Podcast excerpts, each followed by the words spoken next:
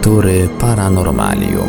Dziś w lekturach Paranormalium sięgniemy po jedną z książek Lucjana Znicza z cyklu Goście z kosmosu, a mianowicie Katastrofa tunguska, Trójkąt Bermudzki, Obce ślady. Tytuł książki mówi właściwie wszystko. Przedstawione w przystępny dla czytelnika sposób informacje na temat słynnej katastrofy tunguskiej, osławionego obszaru na Atlantyku zwanego Trójkątem Bermudzkim oraz różnych mających miejsce na Ziemi anomaliów. Książkę tę na naszej antenie prezentujemy w odcinkach w całości.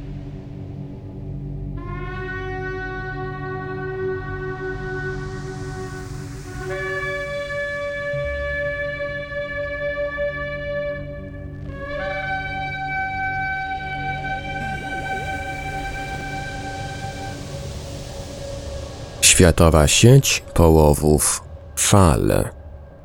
Niestety wszystkich zwolenników tej hipotezy, to jest hipotezy o tsunami, muszę rozczarować. Sam mechanizm powstawania niszczycielskiej siły tsunami przeczy możliwości niszczenia przez nią statków na pełnym morzu. Wspominałem już o tym, że powstałe w głębinach tsunami dla pływających na powierzchni morza statków nie tylko nie jest niebezpieczne, ale czasem nawet nie jest zauważalne. Dopiero z chwilą, gdy mknąca z prędkością do 800 km na godzinę w głębi wody fala dotrze do płycizn, zostaje nagle przez nie wyhamowana i spiętrza się w wysoki wał wodny o pionowym niemal czole. Dopiero tu, na wybrzeżu, niewidocznie wędrujący dotychczas pod wodą sygnał trzęsienia ziemi staje się niezależnym od odległego w czasie o dziesiątki godzin i w przestrzeni o tysiące kilometrów podwodnego trzęsienia, żyjącym nagle własnym życiem, potwornym kataklizmem. Tsunami może więc niszczyć statki na redzie i w porcie, ale nigdy w otwartym i tak głębokim jak diabelskie morze akwenie.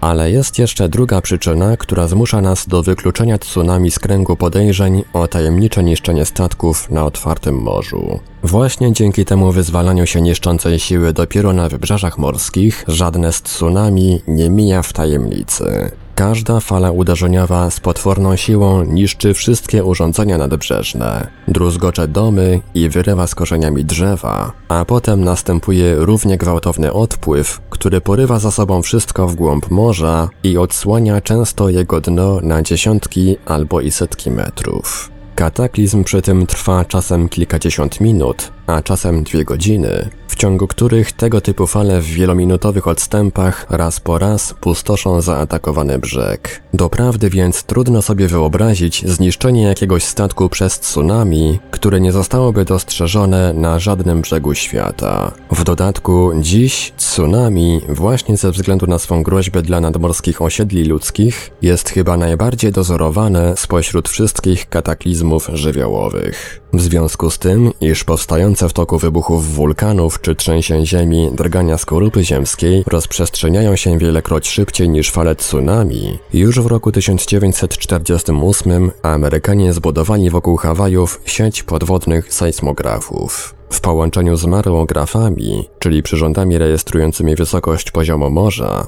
cały system z dużą dozą prawdopodobieństwa zdolny jest ostrzec od kilkudziesięciu minut do kilku godzin przed nadejściem tragedii. W roku 1952 system taki powstał na Kamczatce, w roku 1957 na Wyspach Aleuckich, w roku 1960 na wybrzeżach Chile, w roku 1964 na Alasce, a w roku 1975 tym razem najbardziej rozbudowany, bo sięgający swymi detektorami aż 40 km od brzegu i 4000 metrów w głąb morza w Japonii. Obecnie zresztą wszystkie te regionalne systemy alarmowe zostały już ze sobą połączone w jednolity system międzynarodowy, który skupia w sobie sieć czujników ZSRR, Stanów Zjednoczonych, Korei, Chin, Japonii, Filipin, Singapuru, Nowej Zelandii, Gwatemali, Chile, Kanady i Francji. Centrum systemu mieści się w Honolulu na Hawajach, wszystkie zaś informacje na temat drgań sejsmicznych Ziemi i spodziewanego w związku z tym kierunku i czasu ujawnienia się tsunami przekazywane są za pomocą specjalnej sieci satelitarnej. Czy jest więc do pomyślenia w tej sytuacji zniszczenie bez śladu jakiejkolwiek jednostki morskiej przez tsunami, które powstało, rozpętało się i znikło w całkowitej tajemnicy przed czyhającymi na nie rozsianymi wzdłuż wszystkich zagrożonych wybrzeży świata sieciami detektorów? Ale jeśli wykluczymy tsunami, to co nam pozostanie? Co się dzieje pod ziemią? Jest jeszcze kilka innych zjawisk przyrodniczych dostatecznie tajemniczych, aby móc oskarżyć je o niszczenie bez śladu statków, albo nawet tylko załóg na pełnym morzu. Co ważniejsze, występowanie ich wcale nie jest ograniczone tylko do Diabelskiego Morza. Już działanie tsunami obejmuje właściwie cały Pacyfik, a od czasu do czasu rejestrowane jest także wzdłuż wybrzeży Oceanu Indyjskiego, a nawet Atlantyku, choć są to wypadki niezmiernie rzadkie. Zjawiska, na których omówienie przyszła kolej, z równym prawdopodobieństwem zdarzyć się mogą na każdym akwenie świata i dlatego też mogłyby wyjaśnić nie tylko tragedię Morza Diabelskiego, ale także Trójkąta Bermudzkiego w pobliżu przylądka Hatteras, w Zatoce Syjamskiej czy gdziekolwiek indziej na świecie. Mogłyby. Rzecz w tym tylko, czy potrafią. Zacznijmy od najnowszej stosunkowo, opublikowanej zaledwie w sierpniu 1978 roku, informacji o sensacyjnym wręcz odkryciu dokonanym przez amerykańską głębinową łódź podwodną Alvin. Otóż w czasie jednej z podwodnych wypraw na Pacyfiku w pobliżu wysp Galapagos, załoga łodzi stwierdziła nieoczekiwanie jej nagrzewanie się. Rozpoczęte natychmiast szczegółowe badania tego zjawiska doprowadziły do odkrycia swego rodzaju podwodnego gejzera na głębokości 3000 metrów pod wodą, który z niesamowitą siłą wyrzuca w górę fontannę o temperaturze ponad 200 stopni Celsjusza. Co ciekawsze, fontanna ta najprawdopodobniej nie jest wodna, tylko składa się z płynnych związków żelaza, cynku, ołowiu, srebra, miedzi i innych metali. Odkrycie jest jeszcze zbyt świeże, zbyt mało poznane, by można je było zadowalająco wyjaśnić i wytłumaczyć, i wytłumaczyć, ale właśnie dzięki temu można wokół niego snuć mnóstwo mniej lub bardziej prawdopodobnych hipotez. Jedno wydaje się pewne. Okolice Galapagos nie mogą być unikatem na całym naszym globie. A kto potrafi przewidzieć, jakie niezwykłe zjawiska na powierzchni mórz mogą wywołać takie podwodne gejzery tryskające, roztopioną rudą różnych metali. O równie zagadkowym zjawisku informuje także w marcu 1978 roku radziecki badacz z Tomska Worobiew. Otóż według niego raz po raz zdarzające się na naszym globie wyładowania elektryczne nie są wyłącznie specyfiką atmosfery. Równie często burze mają miejsce pod ziemią. Tam również gromadzić się muszą w pewnych punktach ładunki elektryczne, które w chwili, gdy napięcie pola przekroczy wytrzymałość warstw izolacyjnych, gwałtownie się rozładowuje w postaci swego rodzaju ziemskich podziemnych piorunów a ponieważ wartości dielektryczne Ziemi przekraczają aż o cztery rzędy takież wartości izolacyjne powietrza, taki podziemny grom powinien być 10 tysięcy razy silniejszy od przeciętnego pioruna atmosferycznego. Ta hipoteza nie została jeszcze dotychczas udowodniona, ani nawet sprawdzona, ale kto wie, czy nie dzięki temu, ileż potrafi ona uzasadnić domysłów i fantazji, tłumaczących szereg niepojętych zjawisk na powierzchni lądów i mórz. Tajemnica mórz, fale wgłębne.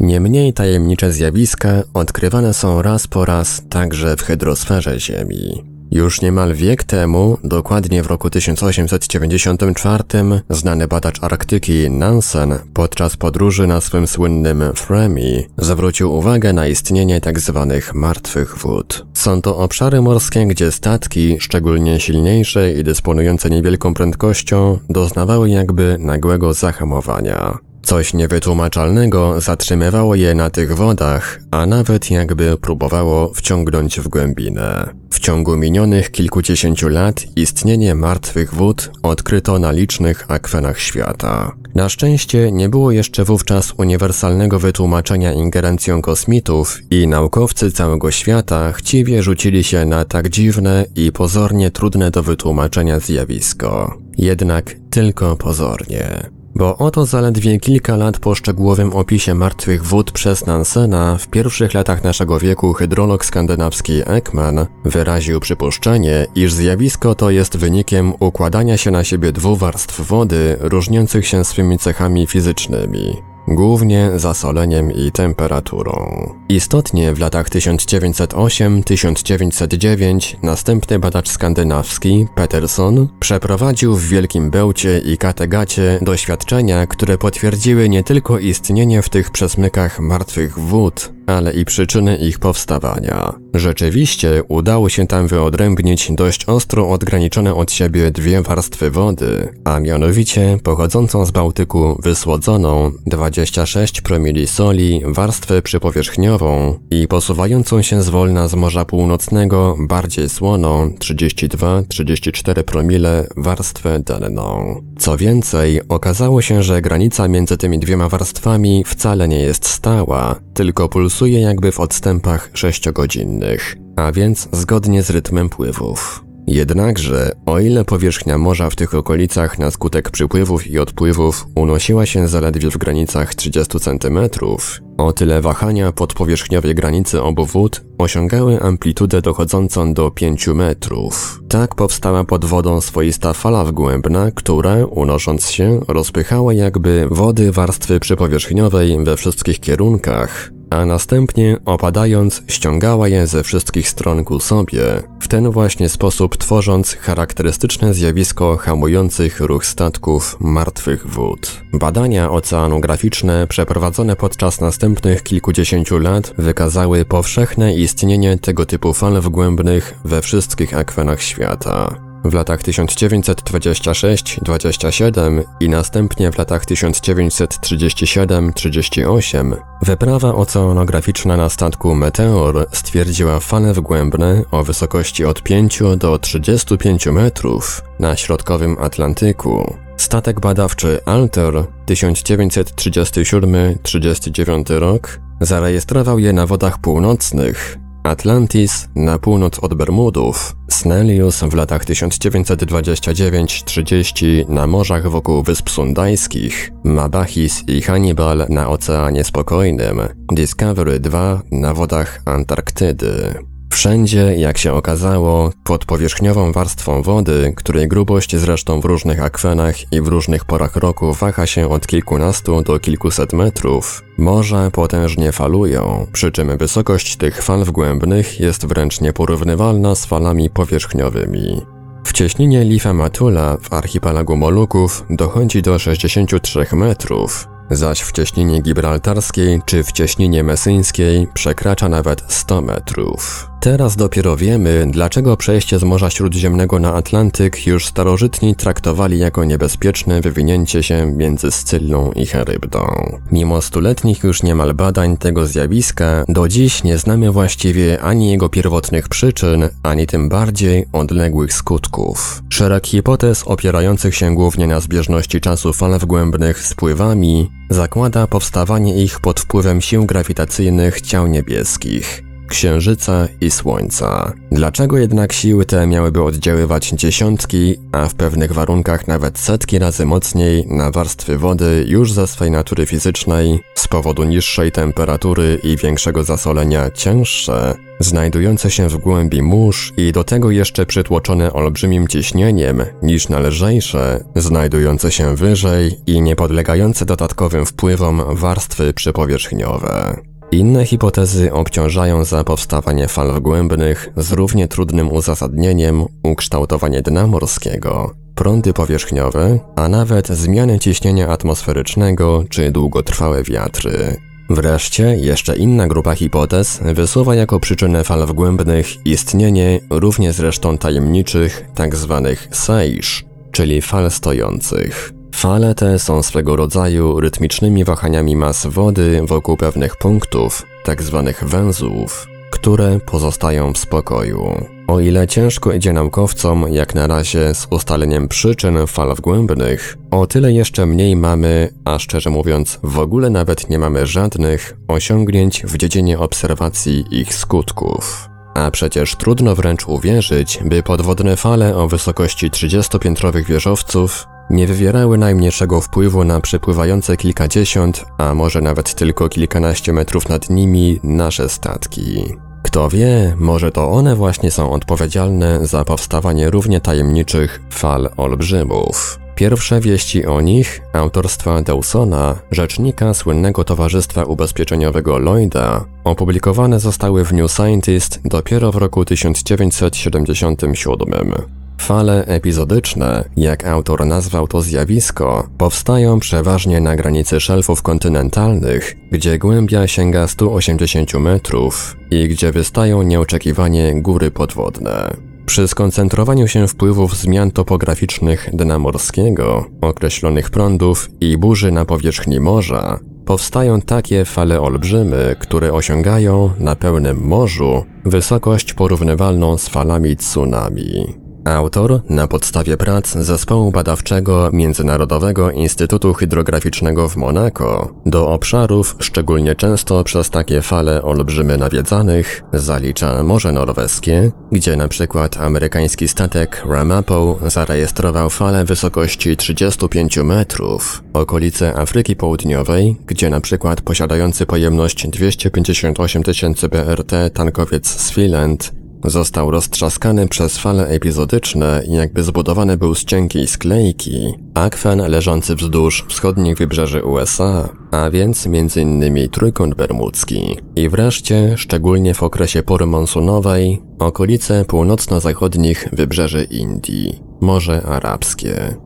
Kto wie wreszcie, czy to również nie fale wgłębne wywołują gigantyczne wiry morskie, z których jeden stał się prawdziwą sensacją konferencji oceanografów państw bałtyckich w Rostoku w kwietniu 1978 roku. Podano tam wówczas do publicznej wiadomości, że dzięki zdjęciom satelitarnym odkryto po raz pierwszy potężny wir morski o średnicy 50 do 60 kilometrów na morzu tak płytkim jak Bałtyk. Czyżby więc nawet nasza poczciwa, wewnętrzna miednica z wysłodzoną wodą kryła w sobie potencjalne groźby i tajemnice, mogące skutecznie konkurować z obszarami tak niesamowitymi jak Trójkąt Bermudzki czy Diabelskie Morze? Cuda z tej ziemi.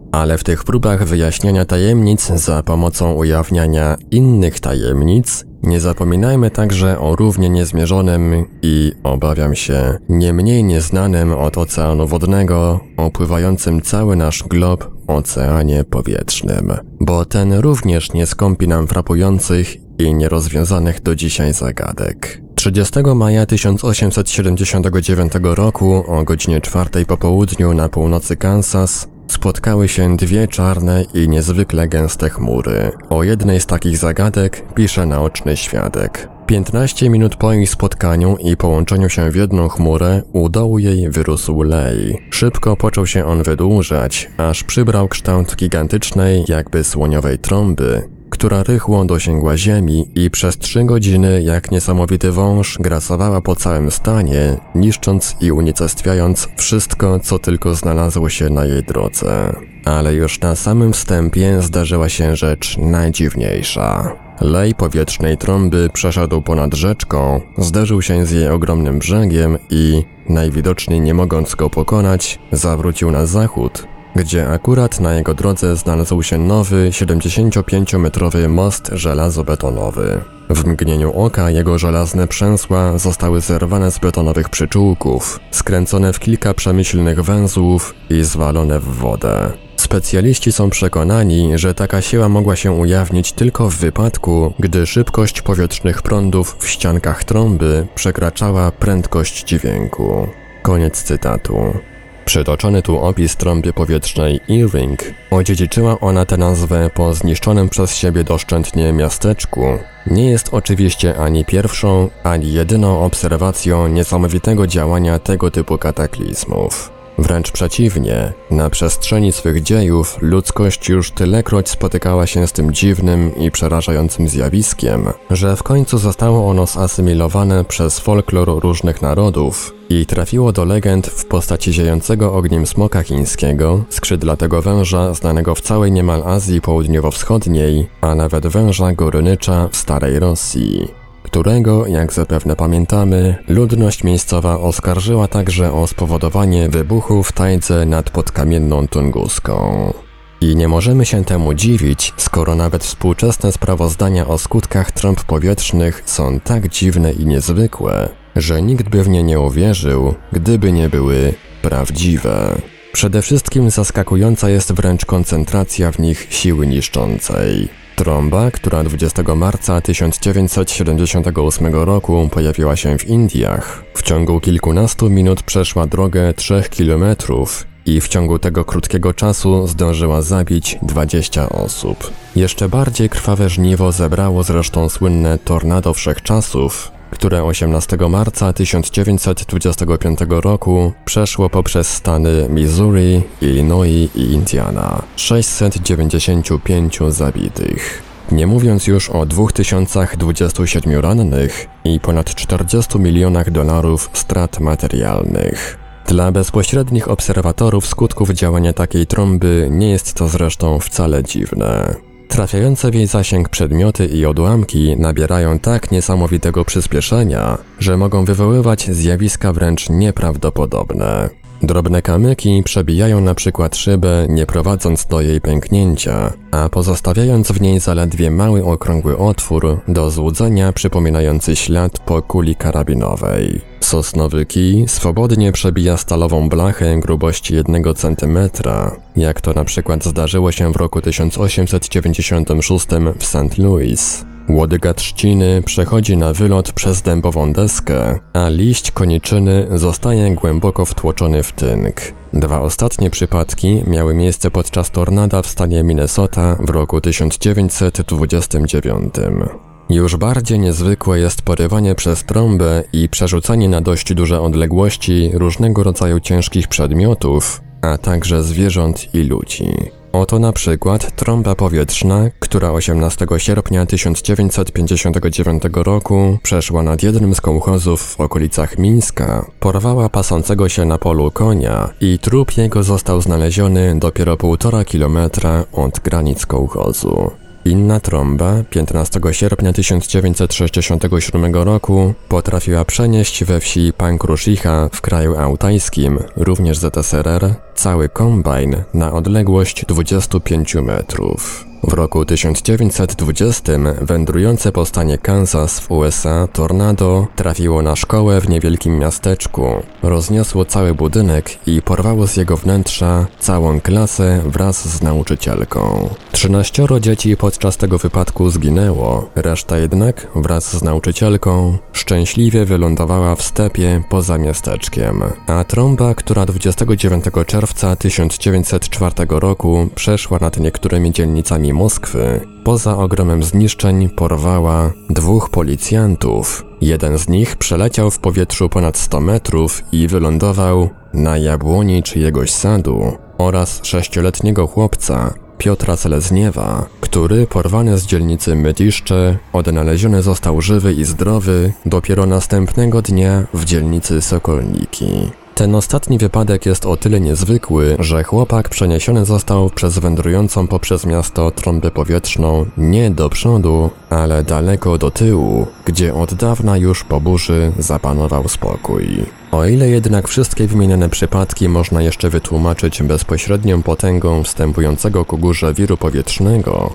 o tyle tłumaczenie to nie zdaje już zupełnie egzaminu w wypadku przenoszenia na odległość niektórych przedmiotów nie bezpośrednio przez rozszalałą trąbę, ale przez chmurę, która ją zawsze rodzi i do której ona ponownie się chowa. Tak na przykład 23 marca 1917 roku z ciemnej chmury przechodzącej nad New Albany w USA posypały się nagle na miasto strzępy odzieży, odłamki mebli, potem dachówki, aż w końcu, niemal jak w starym gangu filmowym, drzwi od kuchennego kredensu i słoik marynowanych ogórków. Dopiero po dłuższym czasie udało się wyjaśnić, że w ten sposób ta niezwykła chmura oddała Ziemi swój dług porwany kilka godzin przedtem przez szalejącą 40 km od miasta powietrzną trąbę. Jednak w jaki sposób potrafiła ona utrzymać w powietrzu i przenieść na dużą odległość przedmioty tak ciężkie jak słoik konserw czy drzwi, tego nie udało się wyjaśnić do dzisiaj. Jeszcze dziwniejszy deszcz spadł 17 czerwca 1940 roku na wieś Mieszczery w pobliżu miasta Gorki w ZSRR.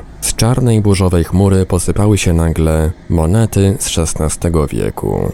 Nie, nie oznacza to wcale, że nosiła je ona w sobie aż przez cztery wieki, lecz czy nie jest już dostatecznie dziwny sam fakt wyssania przez grasującą gdzieś po stepie trąbę zakopanego w garnku skarbu i przeniesienia go przez chmurę o dziesiątki, a może nawet setki kilometrów, a deszcze dżdżownic, żab czy ryb? Już w II wieku przed naszą erą grecki historyk Ateneus pisał o takim deszczu ryb, iż znalazły się one, cytat, we wszystkim, co mieszkańcy gotowali i smażyli, w wodzie do picia i w każdym miejscu na ziemi, tak że nie można było postawić nogi bez rozdeptania żaby. I deszcze takie, trudne nawet nam, ludziom XX wieku, do pojęcia, zdarzają się przecież co pewien czas już od ponad 2000 lat do dzisiaj. Ale już zupełnie wręcz niewytłumaczalne rewelacje zachowałem na koniec.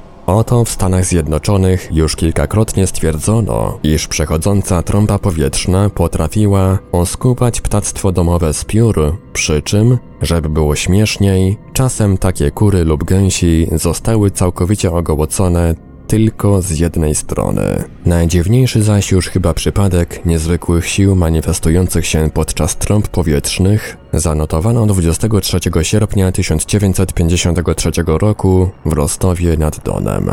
Potężna trąba powietrzna, która w tym dniu przeszła nad miastem, wybiła m.in. okna domu przy ulicy Fewralskiej 28, pootwierała wszystkie drzwi wewnątrz mieszkania, a wreszcie porwała stojący na komodzie w sypialni budzik Przeniosła go przez pokoje kolejnych drzwi, kuchnię, korytarz i klatkę schodową, by w końcu pozostawić go bez najmniejszego uszkodzenia na strychu. Wyjaśnienia tej zagadki nikt już nie będzie tłumaczył ingerencją kosmitów. A równocześnie kto podejmie się wytłumaczyć sposób powstawania i mechanizm działania tych z całą pewnością czysto ziemskich sił?